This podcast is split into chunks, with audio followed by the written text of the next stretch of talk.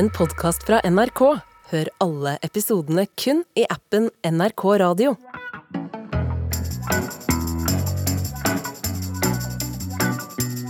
NATOs generalsekretär är en krigsförbrytare. Jag tycker inte världen går åt rätt håll. Vi skal hylde øh, de russiske spioner. Norsken, svensken och dansken med Hilde Sandvik, Åsa Lindeborg och Hassan Preisler.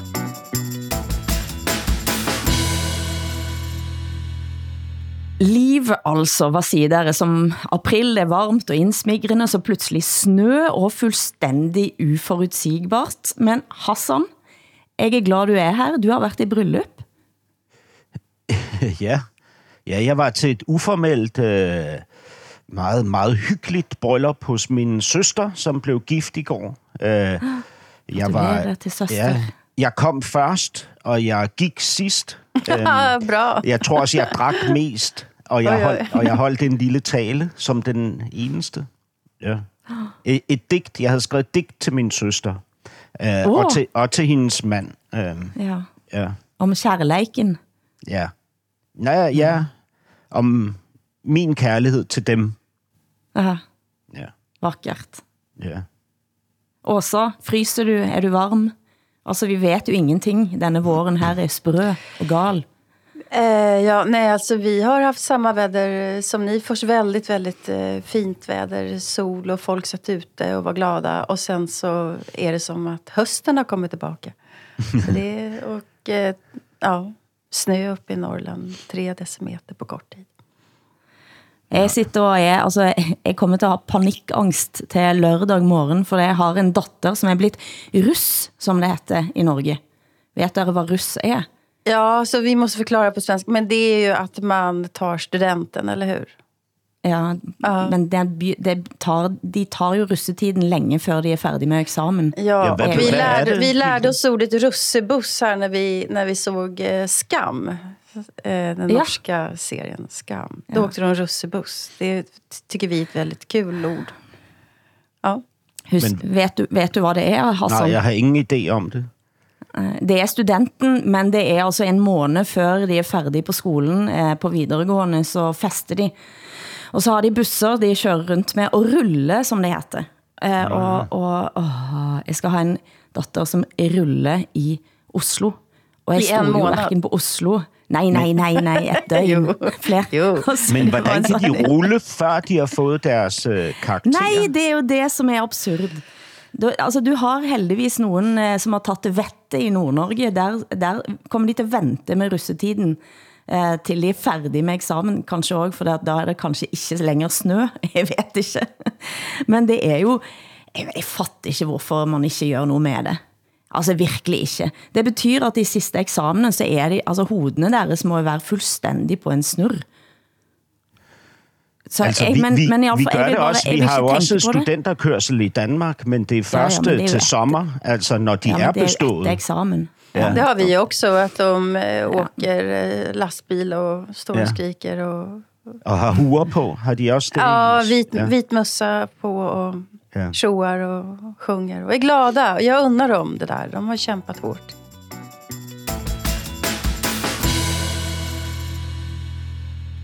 Sidste uke, da vi satt eh, og snakket sammen, så har det akkurat kommet til en stor journalistkonference i Perugia. Og nu har jeg noget, jeg gerne vil dele med dere. For det første så var det jo selvfølgelig veldig stærkt at sitte eh, i salene eh, og høre journalister fra hele verden fortælle om stadig strammere arbeidsvilkår. Altså det er indstramminger og lover, som hindrer fri presse over så store deler av verden. Eh, ikke bruk av retsapparat for at stanse kritik. Men også dette. Det eh, har satt i mig siden, fordi samtlige ukrainske journalister jeg mødte, eller så på scenen, snakker altså om når krigen er over. De sa aldrig ordet dersom. De sa når krigen er over. Og når det sker, så er det alt, eh, det vet vi, det er store summer som alt er lovet til en genopbygging den dagen. Men nu kommer jeg til poenget. En av de stemmene som var der, Joanna Krafsik, som nå jobber for German Marshall Fund, men som har gjort altså, tusen andre ting, har en idé, som jeg gerne vil ta op med dere. Får jeg lov til at komme med den? Mm. Johanna Kravchik mener, at det er tid for en Marshallplan for ukrainske medier. Og hun vil ha altså Norden i førersæte, fordi det har hun fundet ut, at medierne er ikke på agendaen i nogen av de forerne i de donorkonferencene G7 eller en EU som diskuterer, hvad man skal gøre den dagen krigen er slut. Og den dagen trængs det altså svimlende summer, og dette diskuteres jo i hele verden. Og de pengene kommer til at strømme ind i regioner og kommuner i et land, som vi vet er et av de mest korrupte landene i Europa. Mm. Og hvem skal så følge pengene, hvis det ikke findes medier? Det har eh, altså Joanna Krafsik eh, tænkt mye på, og mener at det trængs en stor politisk kraft for at få, sørge for, at eh, medierne kommer på tale, når en diskuterer genopbygging, og hun mener, at her kan Norden gå aller fremst, blandt andet fordi at nordiske medieorganisationer har spilt en veldig stor rolle i det som heter Ukrainian Fund, Media Fund.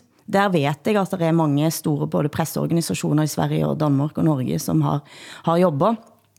Men altså, det findes ikke, når man skal diskutere de store pengene. Hvad tænker du også? Nej, jag tycker att det är... Dels är det ju underbart att de tänker att det finns ett liv efter det här kriget. Eh, mm. Att de verkligen är övertygade om att de kommer att vinna. Det känns ju utopiskt. Men eh, eh det, det är klart att, att, eh, att det behövs fria oberoende journalister som, som kommer att granska den här återuppbyggnaden. Det, det det, det, alltså det, man tycker att det är självklart och sen så när du har varit på den här konferensen och pratat med folk så inser man att det inte alls självklart.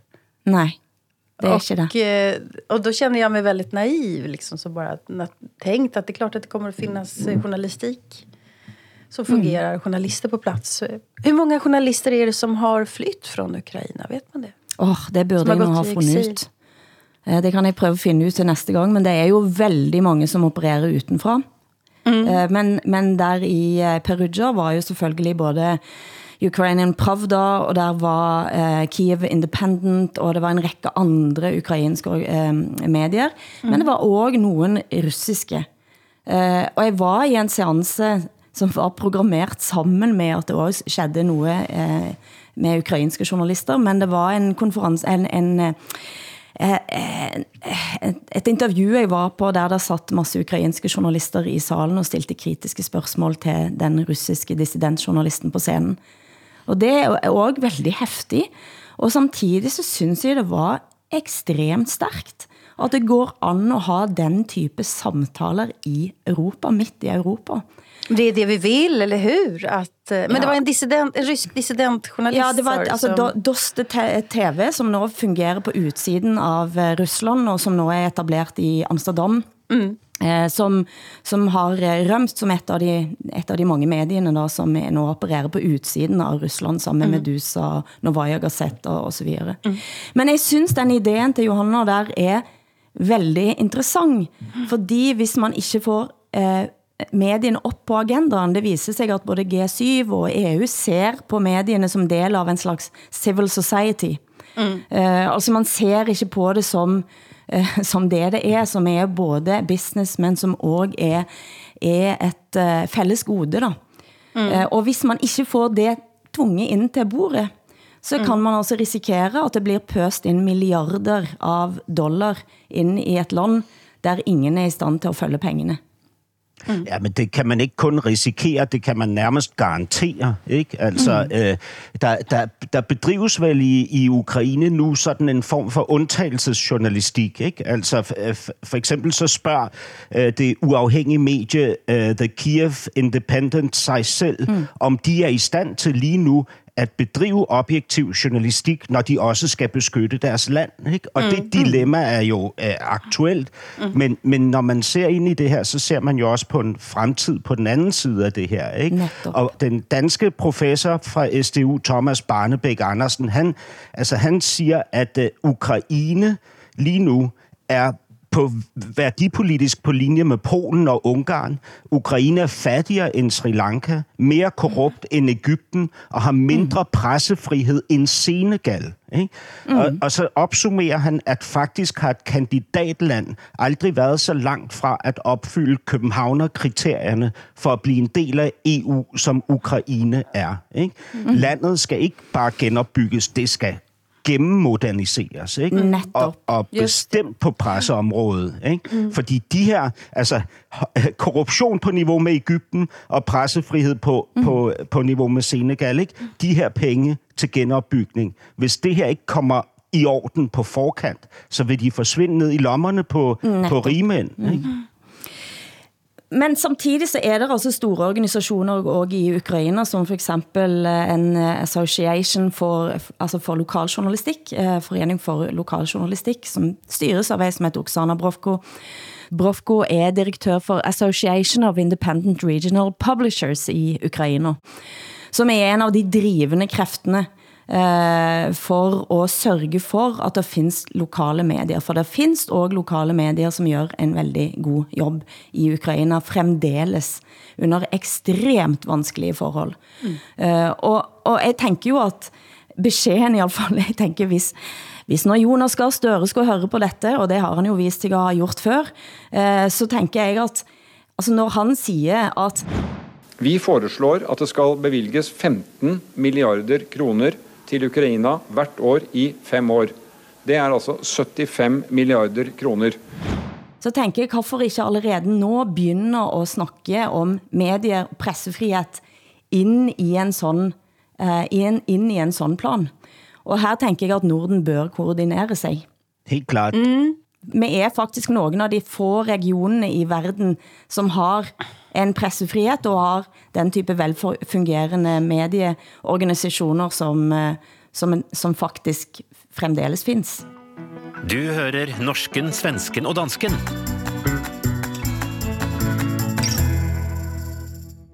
Men altså andre episode av Skyggekrigen er sendt, som heter vel Mørklagt i Danmark, og Uppdrag Granskning har et eget navn, tror jeg, på denne serien i Sverige, der som en følger altså eh, norske, svenske og danske journalister, som graver i eh, Putins skyggekrig i Skandinavia. Skuggkriget, tror jeg svensk. Skuggkriget, ja. Vi snakker om forrige episode sist, og reaktionerne har alt kommet i mellemtiden. Blandt andet så har nå, altså eh, som svar på at Norge har sendt ut en række diplomater nå, så har russerne sendt ut norske diplomater, i ti norske diplomater, som har fået besked om at pakke sakene sine. Hmm, har dere sett den næste episoden, Hassan? Ja, jeg har, jeg har set den. Jeg synes, det var, altså, det er jo, det er rystende, og det, det er sindssygt spændende også, ikke? Øh, der, der er jo ligesom to spor i det her. Det ene, det, det, det, det her spionage og, og eventuelle sabotagespor, som ligesom handler om, at, at russerne planlægger, eller ser ud til at planlægge, at kunne øh, ødelægge vores kritiske infrastruktur i Norden. Ikke?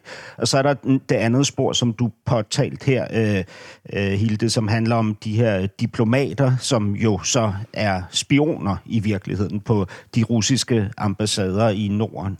Øh, helt vildt spændende. Jeg synes, det allermest interessante øjeblik, det var, da Putins tidligere rådgiver øh, blev interviewet, og han sagde, på russisk siger man, at frygten har store øjne. Og, og mm. med det mener han, at spionage er en, et meget, meget vigtigt element i at fastholde freden, fordi spionage mm. forhindrer krig, og spionage har forhindret øh, eller har reddet millioner af menneskeliv i historien. Ikke? Øh, fordi hvis regeringer er bange, så overvurderer de truslen, og sådan opstår mm. krigene. Og derfor så siger han, spionage er skide godt. Ikke? Øh, og det er jo egentlig et interessant perspektiv på den her øh, diskussion, synes jeg. Vi skal hylde øh, de russiske spioner. spioner. Lidt usikker på det, Hassan. det, det, det, det er et svær med et dobbeltsidigt svær, i hvert fall. Ja, det er det. Ja. ja. Jag, vad tänker du? Nej, men jag är ju lite förvånad kanske över att eh, det här inte har blivit en större snackis, som man säger på svenska. Eh, det, alltså, public service, SVT kör ju stort på det här men det är ändå ingenting riktigt, skulle jag säga, som flyger på det här viset som jag mm. trodde att det skulle göra. Och kanske för att eh, det är lite det som Expressens kulturchef Viktor Malm skrev att, att eh, det här ska man vara förvånad. Det här förstod man väl att, eh, att ryssarna beter sig så här. Och eh, det kanske är min egen reaktion också. Så ja, men det är inte så här de gör. Jag, jag, när jag ser det här så blir jag mer intresserad av de publicistiska övervägandena. Mm. Alltså hur tänker man när man som journalister och publicister bestämmer sig för att vi ska publicera namn och bild på människor här som vi, som vi är säkra på är agenter. Eh, det är en publicering där man vet att en, en redan fientlig stat, eh, stat, Ryssland, kommer att bli pissed off. De kommer bli jättearga om vi gör den här mm. publiceringen. Och, och sånt där intresserar mig. Jag skulle vilja ha ett program där de bara pratar om de publicistiska övervägandena. Mm. Så hur tänker man när man sitter med sånt här material, när man fångar in de här uppgifterna? Hur ska man, hur ska man berätta det? Ska man berätta allt och så vidare? Det intresserar mig.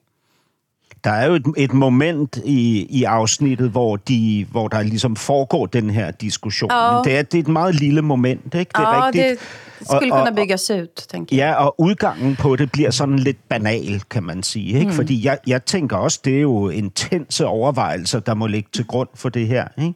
Og, og i forhold til Sverige, så har det jo i Danmark øh, i den grad øh, øh skabt røre, øh, at der er kommet de her afdækninger. Ikke? Øh, for, for eksempel så er der sket det, at den danske flåde har fået ekstremt stor opmærksomhed. Ikke? Fordi man kan jo nu konkludere, at den danske flåde i virkeligheden bare består, primært består af gråmalede skibe med håndvåben. Mm ombord, ikke? Og at mm. de er de er så underbemandet, de danske skibe, ikke? at de må lægge, at de må lægge til, til havnen øh, om natten, fordi der simpelthen ikke er medarbejdere nok på skibene til at betjene dem om natten. Ikke? Øh, og, og så videre, og så videre. Ikke? Og det kommer jo til at skabe en forandring, helt klart. Det förstår alltså. jag också, att diskussionen blir annorlunda i Danmark. För att jag blev också lite förvånad över att den danska flottan var så, så uh, liten.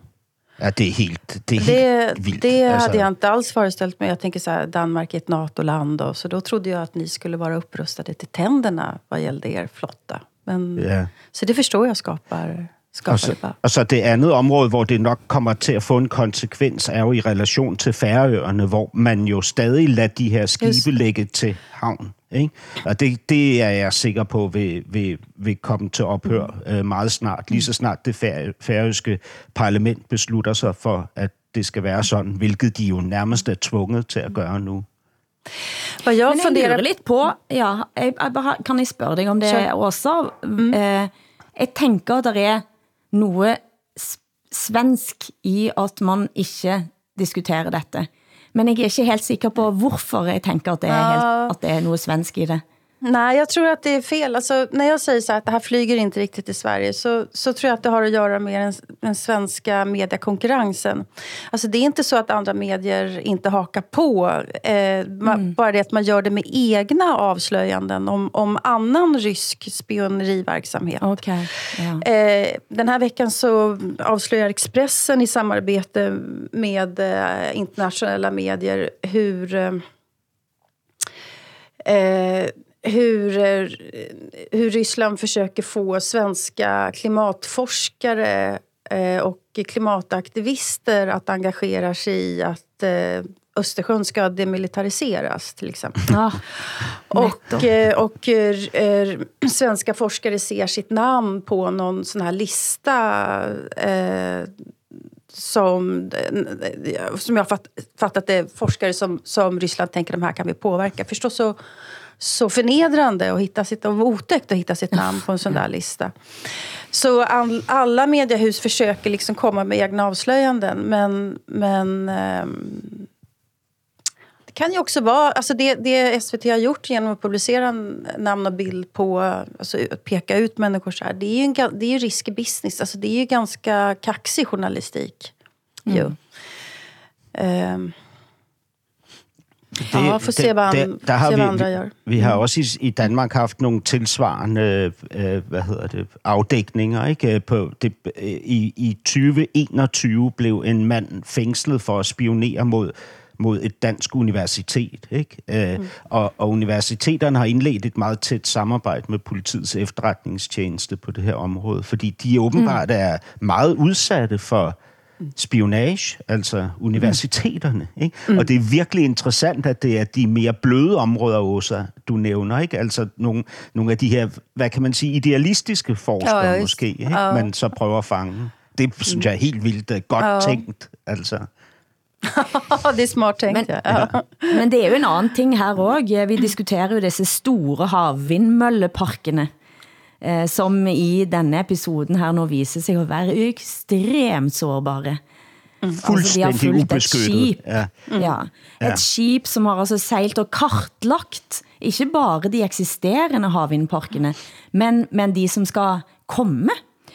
Og for alle da, som, som er kritiske til eh, hvordan man bruger ressourcer, det er en stor diskussion i Norge, om eh, er det virkelig det man skal bruge både kraft til, eh, men også ressourcer på, eh, og er det den store industrien som, eh, eh som man påstår at det kommer til at bli, eh, er det bare totalt subsidiert? Altså alle de får jo nå et veldig godt argument på bordet eh, med at se denne episoden. Mm. Hvad tænker du, Hassan, som har, dere har jo en af Europas største havvindparker. Ja, men vi, vi- altså, i, i Norden kollektivt er vi jo i gang med at bygge verdens største vindmølleparker til havs, ikke? Øh, mm. som, som jo så skal levere strøm til fremtidens øh, øh, storbyer i Norden. Ikke? Og det er, altså, det er jo via, via en transformerstation, som så øh, via et kabel sender den her strøm øh, ind til kysten, ikke? Og det her kabel er fuldstændig blotlagt, ikke? Og i Tromsø, der har man endda en anvisning, hvis nu spionerne ikke selv kan finde det, til hvor præcis, hvor kablet er, ikke? Fordi Er Svalbard, ja. Ja, ja, Svalbard, ja, hvor, hvor man har skrevet, her må du ikke øh, øh, smide dit anker ud, fordi så kan du overrive de, dette kabel, ikke?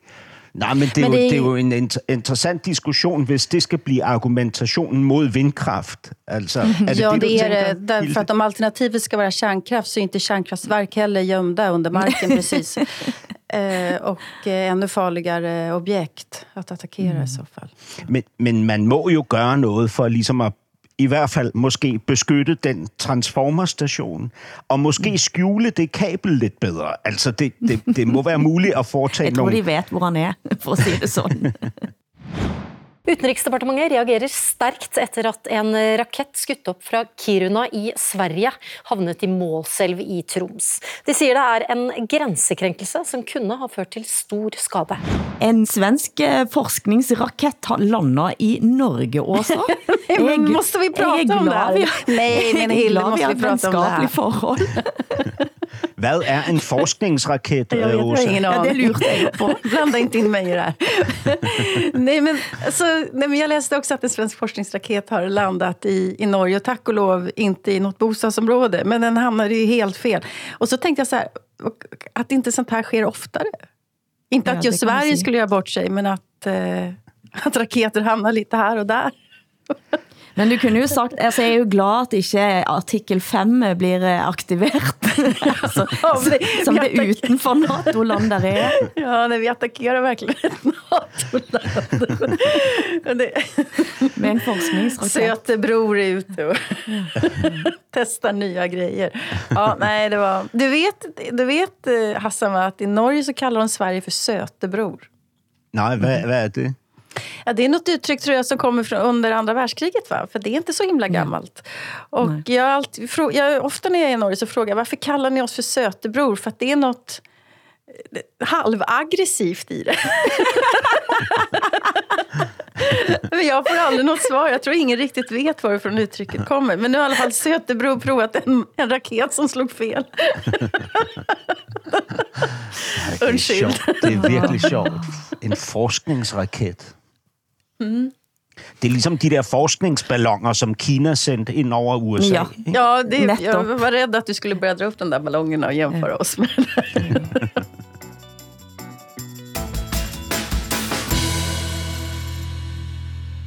Det norske storting har stått samlet om at sende våben til Ukraina. Kun ett parti har nølt. I måneder har ytre venstrepartiet Rødt kranglet internt og med resten av offentligheten om de skulle gå bort fra det som har været programmet i partiet. Partiet har nå vedtatt å støtte våpenleveranser til Ukraina. Vedtaket kom etter en lang, bitter og uforsonlig debatt i landsmøtesalen. En tre timer lang debatt med 104 indlæg, knallhard tone, så knallhard at den måtte minde om at det også var barn i salen. Den gik av stabelen under årsmøtet i Stavanger i forrige helg i Rødt. Eh, Ja-siden, inkludert sittende ledelse, vant frem. Det var jo et klart flertall eh, som gikk inn eh, for våpenstøtte til Ukrainas eh, forsvarskamp. Det sa Bjørnar Moxnes til NRK. Men det var, kan du si, altså det var 74 som sa nej, 107 sa ja. Eh, og det har nu ført til at flere, blandt andet tidligere næstleder Maria Leron, som har været en av de hardeste modstanderne, melder sig nu ut. Og hun sa følgende, vedtaket innebærer at støtte NATO's direkte krigføring i Ukraina. Rødt er dermed ikke længere et parti på venstre side, og ikke længere et parti venstreorienterte bør føle sig hjemme i. Jeg kommer derfor selvsagt til at melde mig ut, og det så jeg var et argument som flere brugte, og det, det stusser jeg på, Åsa. Hvad tænker du? Eh, nej, jag tänker, jag tänker flera saker. Jag tänker, för det första så tycker jag att det är fantastiskt att de har den här debatten. Eh, för allting ska diskuteras. Alla argument ska upp i, i ljuset och lapa sol som en katt, tycker jag. Så det tycker jag är bra. Jag, alltså det, om man är arg för att diskussionen överhuvudtaget har uppstått så förstår inte jag det. Jag tycker man ska kunna prata om allt. Men jag Alltså, jag har alltid varit för att Ryssland ska, eller att man ska skicka vapen till Ukraina. Jag var det från första stund. Mm. Eh, därför att det är en naturlig instinkt, tänker jag, att man ska hjälpa den svagare parten som har blivit orättvist behandlad och orättvist angripen här. Så att jag tycker att det är självklart. Och det, är ganska, det är ganska svårt att inta en annan position utan att uppfattas som att man stödjer Ryssland i det här. Så att jag... jag tycker också att det blir konstigt att säga att man tillhör inte vänstern om man inte går med ja, på det här. För det då, säger man att, då säger man att vänstern automatiskt ska vara pacifistisk. Eh, och det är, det är inte den vänster som jag känner i alla fall. Utan där inom vänstern som jag kommer ifrån så säger man att det våld ibland kan vara en nödvändig metod etc. Eh, och den vänster som jag kommer ifrån är ju inte, den är ju inte för total nedrustning till exempel. Eller sådär. Och tycker vi att vi ska försvara oss så måste vi tycka att andra länder också ska kunna försvara sig. Så, så, eh, men jag är ändå glad att frågan diskuteras. För jag tycker att det är viktigt att man diskuterar allting. Mm. Hassan?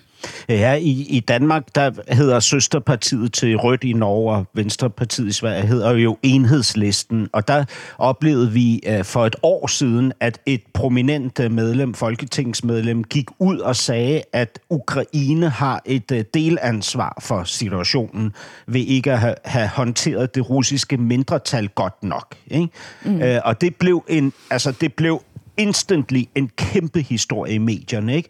Og, og, og lederen af, af, af den kvindelige leder af, af enhedslisten, Maj Villadsen, var straks ude og lukke munden på Christian Juhl øh, i forhold til de her udtalelser, og sagde med det samme, lad mig slå fast, Putin er en krigsforbryder, som har valgt en modbydelig invasion, et overgreb på Ukraine, er alene Putins ansvar. Ikke? Og på den måde så fik man ligesom, øh, hvad hedder det, øh, sat, sat de kritiske stemmer på plads i al offentlighed oven i købet. Mm. Ikke? Men altså, som jeg husker det, så... Øhm, øh, altså, nu, nu er, er, er man fremme fra, rød, fra rødt og, og anklage øhm, øh, Stoltenberg, altså NATO's mm. generalsekretær, for krigs for at være krigsforbryder, øh, beskylder. Ja, altså rødt top eh, Siavash Mubashir kaldte fra talerstolen eh, i denne debatten eh, Jens Stoltenberg for en krigsforbryter. Yeah. Men vad, med anledning av, alltså vad var det som var det konkreta då? Jamen, altså, det, det var i debatten om, om våpen til Ukraina, så, så benævnte han Jens Stoltenberg som en krigsforbryter. På, på grund det, av vapen på, til Ukraina, på, ikke nej, på grund, på grund av på grund af Libyen-konflikten. Libya-krigen. Aha, ja, men det en annan... Altså, det er NATO's generalsekretær er en krigsforbryter, og det er jo selvfølgelig ført en stor diskussion om, hvad er definitionen av en krigsforbryter. Mm. Men, eh, men, men Bjørnar Moxnes, som er leder Rødt, han tog ikke avstand eh, til Mobasher, og det er jo lidt vanskeligt, fordi Rødt prøver jo at få til et samarbejde med Arbeiderpartiet. De har ändå en debatt. Det er uppfriskande, tycker jeg. Men spørgsmålet er, kan Rødt leve videre eh, som ett parti? Det kan jeg lure på efter en sådan opslitende debatt. Det skal bli interessant at følge. Norsken, svensken og dansken. Skandinavisk familieterapi. I flere uker har det rast rundt den danske tidligere teaterchefen Jon Steffensen, som gjorde politiker av sig efter forrige valg, men nå synes at være helt færdig. Det har været en heftig proces, Hassan. Kan ikke du eh, give os lidt bakteppe og, og hvorfor vi bør snakke om dette?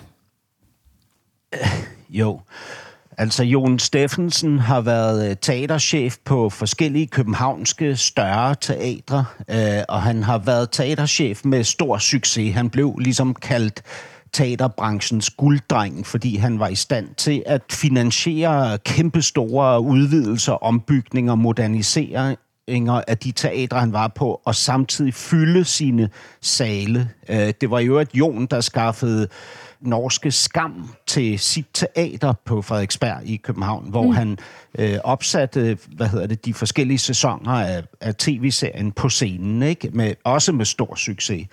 Øhm, han blev fyret fra teateret på grund af anklager om, øh, om forskellige ting, blandt andet at have forfalsket en underskrift, men også at have opført sig manipulerende og krænkende over for øh, teaterets forskellige medarbejdere, blandt andet yngre øh, skuespillere, øh, som han øh, angiveligt forsøgte at presse til at gå på scenen, selvom de var syge, og så Øh, han, han er jo siden øh, blevet politiker for Lars Løkke Rasmussen, den tidligere venstrepolitiker og statsministers nye parti, Moderaterne.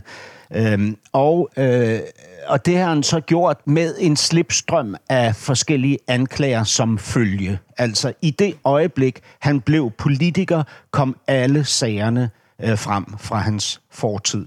Men altså ikke kun fra hans fortid, også fra hans nutid øh, som øh, politiker, hvor han har skrevet en, øh, en besked til et 19-årigt medlem af partiets ungdomsafdeling. Og i den besked har han skrevet til hende øh, i en tråd, som angiveligt skulle være, skulle være en faglig tråd, har han så skrevet mm. til hende sent på aften. Du er smuk med den lækreste krop. Uh, og han er 63, er han ikke det? Han er jo, 63 år. han er 63, og hun var 19. Ikke? Og det har nu øh, medført endnu en storm mod Jon Steffensen, som han så er blevet tvunget til at tage konsekvensen af, og han øh, går nu på overlov fra Moderaterne og skal så ifølge den formulering, de kommer med, øh, genvinde øh, tilliden hos, øh, hos ungdomsorganisationen og sine kolleger i parlamentet og vælgerne naturligvis, for at kunne komme tilbage om et halvt år som politiker øh, i Folketinget. Øh, det er, hvad hedder det? Jamen, det er jo en, det er jo en intens sag. Altså, det er, øh, det, det der er, altså det der, der, der, for mig at se personligt, så er der ikke noget urimeligt i, at, øh, at Jon Steffensen anklages øh, for de her ting, og, og der er heller ikke noget, øh, hvad hedder det, umenneskeligt i, at det kommer frem i offentligheden. Og jeg synes også, at det bør have konsekvenser for ham, at han har øh, ageret, som han har. Det er min holdning. Men det, jeg samtidig ser, det er jo altså et et fuldstændig absurd forløb rundt om øh, mm. Jon Steffensen. Ikke? Altså, hele teaterbranchen har kendt til de her historier i årtier. Ikke? Øh, og ikke kun om om, om denne specifikke teaterchef, om masser af teaterchefer og stjerner, og deres magtmisbrug og grænseoverskridende adfærd osv., og ingen har gjort noget på noget tidspunkt overhovedet. Mm. Nu, hvor Jon Steffensen nærmest er faldet, så pipler de frem af deres huller. Ja. Ikke? Lige pludselig så ser vi over 1000 øh, kunstnere, som skriver under på en fælles erklæring om, at de ikke har tillid til ham som kulturordfører for partiet Moderaterne. Øhm, og, og man ser dem stille sig op i, i alle de her forskellige talkshows, vi har på tv. Godmorgen, god aften Danmark øh, øh, og så videre. Og der, der sidder de så og fortæller om, at nok og nok, og nu sætter vi foden ned og så videre. Ikke? Men, men Åh, den fod ja. skulle have været sat ned for lang tid siden. Ja. Ikke? Og Ja, den skal ja. sættes ned over for de chefer, der er derude i dag. Men det tør man ikke. Fordi så risikerer man sin egen røv, ikke? Så man gør det kun, når det er fuldstændig risikofrit. Når det ikke har nogen omkostninger. Og når man kun kan, kan, kan risikere at få ros for sit øh, såkaldte mod, ikke? Ja. Og, og så ud over det, så observerer jeg en blodros, ikke? I blandt andet inde på Jon mm. Steffensens øh, øh, private Facebook-side under opslag, som handler om, at han har været på skiferie med sin datter. Der mm. ser man mennesker skrive om, hvor klam og ulækker han er, og han ikke burde, hvad hedder det, øh, han burde fratages øh, for, øh, forældremyndigheden over sit barn, og, og at han skal skamme sig og krybe ned i det hul, han kommer fra, og han har en gammel, rynket krop, og så videre. Altså, det er for mig at se, så, så bringer det her alt det værste i os frem, ikke? Når, mm. når, vi, når, vi, når flokmentaliteten griber os, ikke? Og, ja. og blodrosen ligesom øh, øh, tager fat i os, ikke? Så, så forsvinder humanismen simpelthen. Og jeg kan ikke holde det ud, altså. Men der, der er, undskyld, bare lige min sidste pointe. Der er eksisterende teaterchefer derude lige nu, ikke? Lige nu, som vi alle sammen ved, op, har opført sig fuldstændig vanvittigt, ikke? I, i, I al den tid, de har ledet øh, de her institutioner. Hvad med dem? Jag måste fråga då, Jon Steffensen, han var 63 år när han skickade det här eh, smset till en eh, 19-årig eh, Ja, det var, det var med, her, medlem i ungdomsförbundet. her for nogle måneder siden. Ja, Aha, det var det som var min fråga. Det var för Ja. några månader sedan som Ja. han gjorde det. Ja. Alltså, eh, men eh, han gjorde det innan han blev avslöjad hur han hade agerat som teaterchef. Ja, det, jeg tror, det er sådan rækkefølgen er, ikke? At det var efter, mm. han blev medlem af parlamentet, men før han blev, før alle de her sager ligesom ramte ham. Just Jeg det. tror, det var sådan, det var. Just jeg er ikke det. sikker. Ja. Nej, men du, du beskriver ju den här flockmentaliteten väldigt, väldigt bra. Opportunismen får sig i ringen och sen så kommer alla och ska, ska visa minsann att de, eh, eh, de... De vill ha beröm ja, för, för Mm. något slags civilkurage som, som man verkligen kan ifrågasätta när, när bollen redan är i rullning. Ja, så ser, Och eh, den här eh, utfallen mot att han är gammal och rynkig och ful och sådär, det tycker jag man kan hålla inne för, för sig själv. Alltså det är så klassiskt på något sätt att en äldre man eh, uppvaktar en yngre kvinna på det här viset. Det är så banalt. Det är en sån kliché. Eller? Det er veldig, det er, og, og dette var jo også en mand, som gik ut under MeToo, når Danmark endelig fik MeToo, så gik han ut og støtter MeToo den gangen, og da lurer man på, har man ikke lært nogen ting, eller findes der nogen, som er hevet over alt sånt? Men det spørgsmålet Hassan stiller, som jeg synes er, det reelle her er jo, det vigtige her er jo, hvorfor tiger vi stille om alt vi vet? Helt til alle andre har begyndt at snakke om det. Eh, og, så, og så skal man på en måte sitte og sole sig i en eller anden slags form for... Eh, eh, det blir et sånt slags adelsmærke. Se på mig, som har kritiseret den frygtelige manden. Eh, og det er jo veldig ustilig. ja.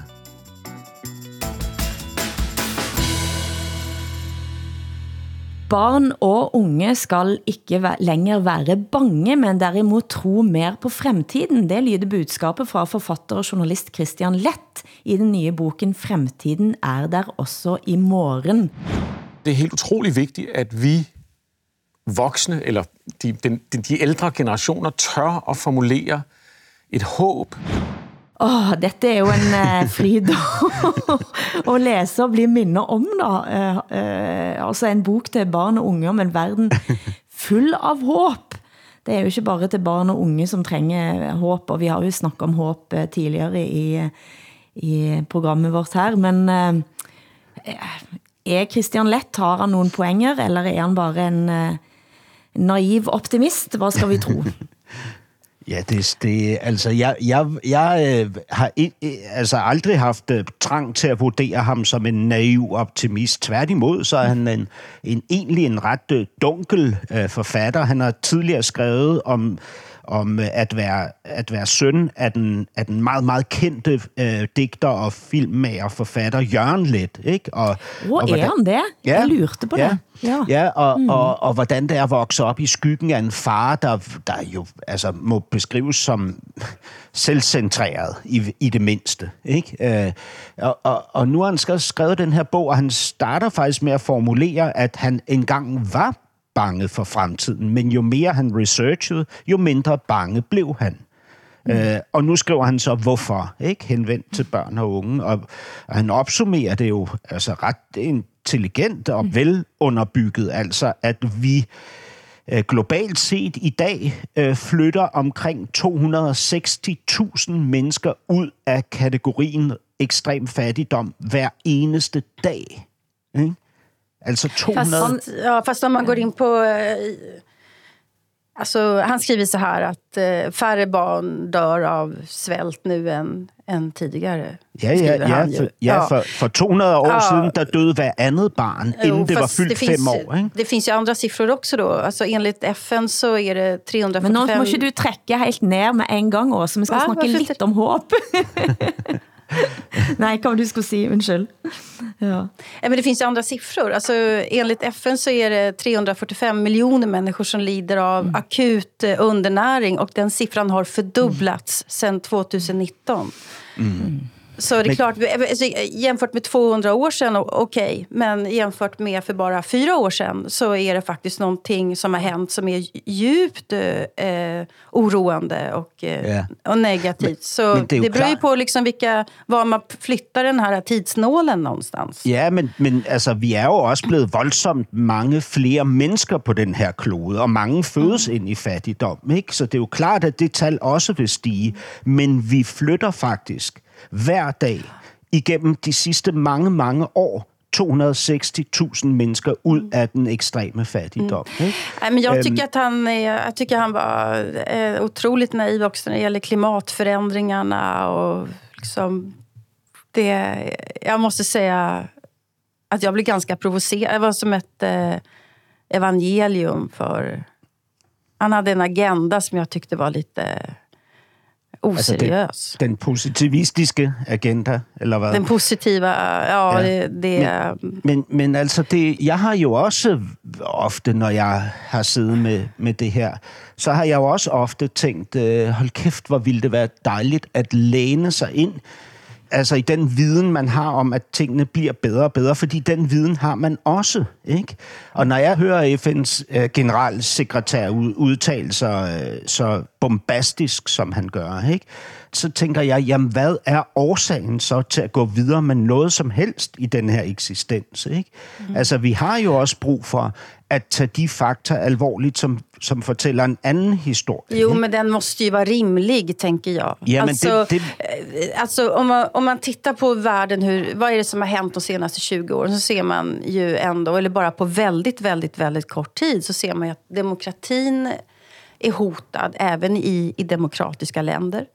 Eh, ojämlikheten ökar överallt. Klimatförändringarna är enorma. Eh, hela världen militariseras. Eh, och att hitta hopp i det där, jag tycker att det är ganska svårt att göra det faktiskt. Jag, tycker, jag tänker så här, om man tänker att världen bara blir bättre och bättre så blir man lite dum i huvudet faktiskt. Ja, men det, man, men blir det kork, også... man blir korkad med ett sånt perspektiv. För det betyder ju liksom att eh, ja, det blir bättre och bättre dag för dag. Ska vi, inte, ska vi inte fundera över hur världen ser ut på riktigt, ta reda på det och sen, eh, sen organisera oss? För ja, men, men som det är, är ju bättre. Ikke, alltså, det att så här kan det ju inte fortsätta skulle jag säga. Jag tycker men, inte världen går åt rätt håll. Men det at være pessimist... Hilde sitter og blundar det, nu. Jamen det at, det at være grundlæggende pessimist gør jo ikke, at man, at, man, at man ser verden, som den er. Altså, der er jo tal, der viser os, at det går bedre og bedre, og så er der tal, der viser os, at vi stadig har kæmpe store ja, men går det bättre och bättre? På mange altså, områder ja, går men det om du jämför med för 200 år sedan, men om du jämför med för 20 år sedan? Jamen, altså, det, det- det, min poäng är, var sätter Men- du tidsnålen? Från när börjar du räkna? Men jeg kan, jeg kan også referere dette, som han da let sa til Altinget, det danske Altinget. Så sa han, jeg kan ikke forestille mig noe mer privilegert, end at sitte i Vesten og si, at vi lever i en forfærdelig tid. Lige præcis. Og jeg er det, så traff, enig. det treffer mig også. Og, Men- og, og, når, når jeg siger, ja, der er, er jo enig også i, at der er altså enormt mange ting, som vi er, kan være urolige for. Vi starter med at snakke om eh, tilstanden for eh, ytringsfrihed og pressefrihed i verden. Det ser ikke bra ut. Nej. Samtidig så sitter vi fremdeles i denne privilegerte situationen og positionen, og jeg tænker at er det noget, vi i hvert fall bør gøre da, er jo at ta udgangspunkt i, at vi lever altså med enormt mange muligheder rundt os. Og jeg kendte allerede under covid, hvordan jeg personligt blev nok så provoceret av at jeg blev fortalt at jeg skulle være redd. Jeg skulle være førevar, jeg skulle være redd. Eh, og jeg har begynt at etter hvert udvikle en lidt sådan antifølelse rundt hele dette retselbegrebet. For jeg tænker at end så længe så har vi nogle helt ekstreme muligheder rundt os. Men vi bruger heller muligheden til at snakke om alt det, som ikke er bra, og det er også jeg nok så eh, lei av, for at sige det ret ut. Men, men ja, ja, det er fuldstændig rigtigt. Men, men det han jo siger, det er, at I gennem sin research er, er det, som forbløffer ham mest, Christian Let, er at opdage, at mennesker i Vesten er dem, der oftest svarer forkert. De fleste folk fra den rigeste del af verden, fra lande som Danmark, tror, at børn dør oftere, at fattigdommen stiger og stiger, og at verden i fremtiden bliver meget, meget, meget værre, end den er i dag. Ikke? Og det er sådan Det er Hans set... Rosling dette, Ja, altså ja. den svenske Hans Rosling sit Ja, argument. Ja, det kan jag ju säga att... eh, Og Steven Pinker, han- for så vidt, den amerikanske forfatteren, professoren. Ja. Nej, kan, kanadisk, undskyld. Ja, jag tycker man Kanadiske blir- Professoren. Jag tänker man blir korkad om man har det där, om det där perspektivet. Det är klart att vi sitter här och är privilegierade. Men att vi är privilegierade behöver ju inte betyda att vi, att vi tycker att allt är, är toppen, som det är. Alltså, det är privilegierna är är ju djupt orättvist fördelade. Och eh, jag, tar, jag tar klimatförändringarna på allvar. Jag tar den ökade ojämlikheten på allvar. Jag tar de ökade politiska uttrycken på allvar. Eh, och eh, hur, hur demokratin är pressad även, även här hos oss. Eh, jag tar också på allvar unga människors oro för att inte få arbete och bostad. Det var en oro som man inte behövde känna för 20-30 år sedan och den är reell idag. Och allt, allt det där, det Jamen, där Åsa, det- är ju det- någonting som har hänt på kort Det tid. gør Christian Let tager præcis de samme emner alvorligt. Øh, Ligesom jeg gør, og Hilde gør, og vi vel langt de fleste af os gør. Vi tager dem alvorligt. Vi kan godt se problemerne. Vi kan se, de eksisterer. Men samtidig så tænker jeg, at denne her undergangsfortælling, som vi skal leve med dag og nat, i virkeligheden er en skamfølelse, som vi introducerer, øh, øh, mm. eller i virkeligheden er en fortælling, som Der- vi introducerer for os selv, for at kunne leve med vores skam Men, over vores privilegier. ikke? Där är vi helt överens. Och jag, jag tror inte heller att jorden går under. Jag tror inte på domedagen. Jag, jag tror inte på den sortens stora katastrofer. Men det betyder inte att jag tycker att världen utvecklar sig åt rätt håll. Eh, det, det, det, blir, det jag uppfattar är att det är kraftiga försämringar för, för folkflertalet i varenda land vi kan studera. Och ökade ojämlikheter, ökade klyftor, eh, folk slits isär. Och sen en massa andra problem på det. Det betyder inte att jag tror att jorden går under. Det är inte det, det, är inte det jag säger, men jag tycker inte att det, att, det, att det går åt rätt håll. Men det er jo ikke det, det vi snakker om her er egentlig frykten for at det nogen gang kan, eh, altså frykten for at det aldrig kan bli bedre, det er det vi egentlig snakker om. Vi snakker ikke om situationen her og nu, vi snakker om, er det muligt? Altså det er når jeg hører ukrainere sige, når krigen bliver slut, så kender jeg at jeg puster på en eller anden pussig måte. Og det er et eller andet med at vi har etableret os i en forståelse nu av at det er faktisk ikke muligt at nogen nogen gang kan blive bedre. Og det, Ja, det, hvis man jeg skulle lytte til FN's generalsekretær, ikke, så, Så så, det lyder det jo som om, at der er ikke noget at gøre. Altså, vi Men kan jeg lige kan så også godt lægge os ned og det, dø. och, och lyssnar man på klimatforskare så är det ju kört. Så Nej, visst- det passer faktisk det, og, ikke. nej, Nej, nej, och det, håller, det det, håller passer jag helt med om. Nej, nej men det, det håller jag med om. Men Altså, samtlige øh, klimaforskere siger jo, der er ting at gøre. Ikke? Mm. Altså, ligesom vi svigter vores ansvar, så er vi jo også i gang med at gøre noget globalt set. Ikke? Der bliver jo forsket som, som, altså, som vanvittigt på det her område. Folk forsøger jo at gøre noget, og det er jo menneskehedens historie. Mm. Det er jo, at der har været et uh, paradoks, ikke? fordi vores, uh, alt vores medgang medfører jo et overforbrug ikke? Og, og en overbefolkning, ikke? som vi bliver nødt til at forholde os til. Og det forholdene er meget besværligt, komplekst. Ikke? Og den kompleksitet bliver vi jo nødt til at rumme, uden at enten, øh, hvad hedder det, lalle øh, naiv ud over en grøn græsmark og sige, alt er fint, alt er perfekt, eller sætte os ned øh, i fortvivlelse og sige, at jorden går under, og alting bliver værre og værre. Ikke? ja, nej, men det Jeg kan sige en kort ting, og det er det, at eh, når også siger, at jeg tror på ungdommers frygt, det gør ikke jeg. Eh, Og jeg læste et interview med Thomas Hylland Eriksen, den eh, store sociale antropologen fra Norge, eh, som sa at når han var ung, eh, en periode, eh, så var han, fordi han hørte på ja, dommedagsprofetier for den del, eh, mente at vi skulle gå tilbage til steinalderen. Han mangler historisk kunskap, han mangler så enormt mye kunskap, men han mente det helt præcist, at vi måtte lægge ned alt det, som på en måte det moderne samfundet sa vi skulle gøre, og eh, leve som på steinalderen. Ja, det betyder jo så, at vi fryser ihjel om vinteren, at vores børn Netop, og dør det var ved det han begyndte at forstå etter hvert.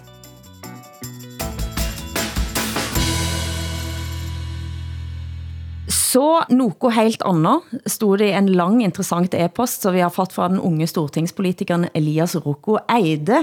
Eh, Og vi nærmer oss slutten på programmet, men han eh, ville høre om vi har snakket om flyselskapet SAS i podcasten, og det har vi jo op og ned gjort. Eh, han er optaget av at til trods for at SAS taper milliarder, det har de jo også gjort nå bare på få måneder, 4-5 milliarder, eh, så er der også altså, eh, flere tusen, titusener av små aktionærer, som er med på, den, på denne opp- og, og nedturen. Eh, og, og så er det en så enormt stor kærlighed for SAS. Han viser til eh, Facebook-grupper eh, der folk som kanskje for et år siden fik ødelagt hele ferien sin på grund av streik, eh, allikevel heier på SAS. Og hvad skyldes dette? Har vi, kan vi forklare det på nogen måte? det är faktiskt jättekonstigt. Men jag älskar ju också SAS. Jeg elsker også SAS. øh, altså. Ops, nu blir det reklam här i Sveriges Radio. Men, jo, men eh, jag har också en stor kärlek till, till det där fl- flygbolaget som jag faktiskt inte alls kan förklara. Men jag har väl gjort många bra resor, bland annat till Norge då. De har tagit mig till bra ställen helt enkelt. Ja, altså for mig, der er, det, der er det simpelthen en følelsesmæssig tilknytning, jeg har til SAS. Ikke? SAS har ligesom altid været jeg, gennem hele mit liv at se det der haleror på den der flyvemaskine med de nordiske flag, ikke? Og- så, og så ligesom øh, vide, at her der kommer man i en tryg favn, ikke? fordi øh, personalet er veluddannet, flyvemaskinen er tjekket igennem af, af kvalificerede medarbejdere, pilot, Åh, just piloterne er Just dygtige og så videre. Ikke? Altså, når, når jeg havde været ude i de fjerneste ender af verden og sådan noget, og tog et SAS-fly hjem, ikke? så var det jo ikke ved grænsen til Danmark, at jeg endelig kunne ånde lettet op. Det var jo, når jeg satte mig ind i SAS-flyet allerede, ikke? at jeg følte, at jeg var, var kommet hjem. Ikke? Ja, jag Øhm, flyger med Aeroflot kan jag säga, så jag föredrar ju SAS alla dagar i veckan. Altså, men. SAS var jo en gang det mest skinnende eksempel på vellykket skandinavisk samarbeid, og det blev det jo slut på for veldig længe siden. Og 39 fagforeninger og konsortium og avtaler om, at alt skal gå via Kastrup, som jo er fuldstændig idiotisk. At vi Nej, skal det er ikke innom idiotisk. Kastrup Nej, for at det giver rejse ud mening. i verden. Der er ikke noget idiotisk ved det. Det er fuldstændig, altså logistikken i det til og med er jo helt fejl. Men det påstod da denne unge politikeren, som sendte e-post, han havde snakket med en eh, erfaren purser, som havde sagt, at grund til det er at for danskenes del, så ville det været helt uaktuelt at rejse til Oslo for at fly ut i verden. Derfor havner en på Kastrup. Men det er jo fordi Oslo ligger nærmest på kanten af verden. Ja, jag skulle säga det. det, Vi kunde flytt via Stockholm är ju Nej, men det blir också fel faktiskt. Nej, jag håller på, Nej, jag men håller det på er jo Kastrup i det. detta. Nej, Jo. men flyr via Kastrup for at rejse til USA, det er jo fuldstændig eh, tullete. Tænk på det. Se på kartet også. Men jeg tænker, dette begrebet, som holder mest her, er at det en gang blev kaldt en vrængt kråkebolle, og det var efter Carlson, denne store, var det på 80-tallet, den store SAS-chefen. SAS Jan? Karlsson, ja. Ja, Jan Karlsson. Etter på den tiden så blev altså SAS kaldt for en vrængt kråkebolle, som er fin og glinsende på utsiden, og full av pigger inni. Ja. ja. Det var ham, vi kaldte Karlsson på taget her i Danmark. Vi skal gå ut på en sang, som jeg har fået tips om, fra en lytter, som, eh, som hørte på os forrige uke. Eh, Etter vårt harselas om eh, tomrum av fakta.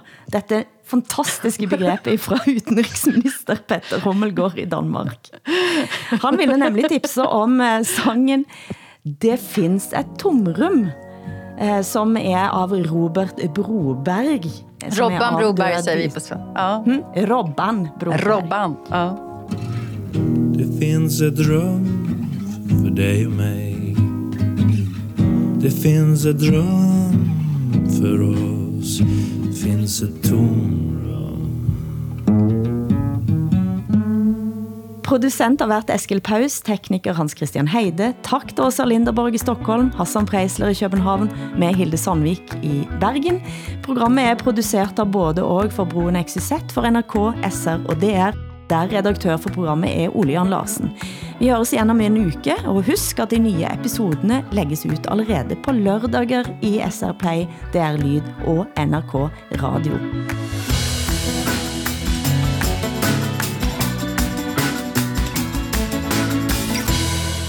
Du har hørt en podcast fra NRK. Hør alle episodene kun i appen NRK Radio. På 80-tallet fikk barnløse kvinner sæd fra ukjente menn som skulle være spesielt intelligente. Og alt skulle holdes hemmelig. De skulle ikke ha kjennetegn, helst ikke rødt hår. Nå har barna begynt å finne hverandre. Og så får jeg melding på Facebook.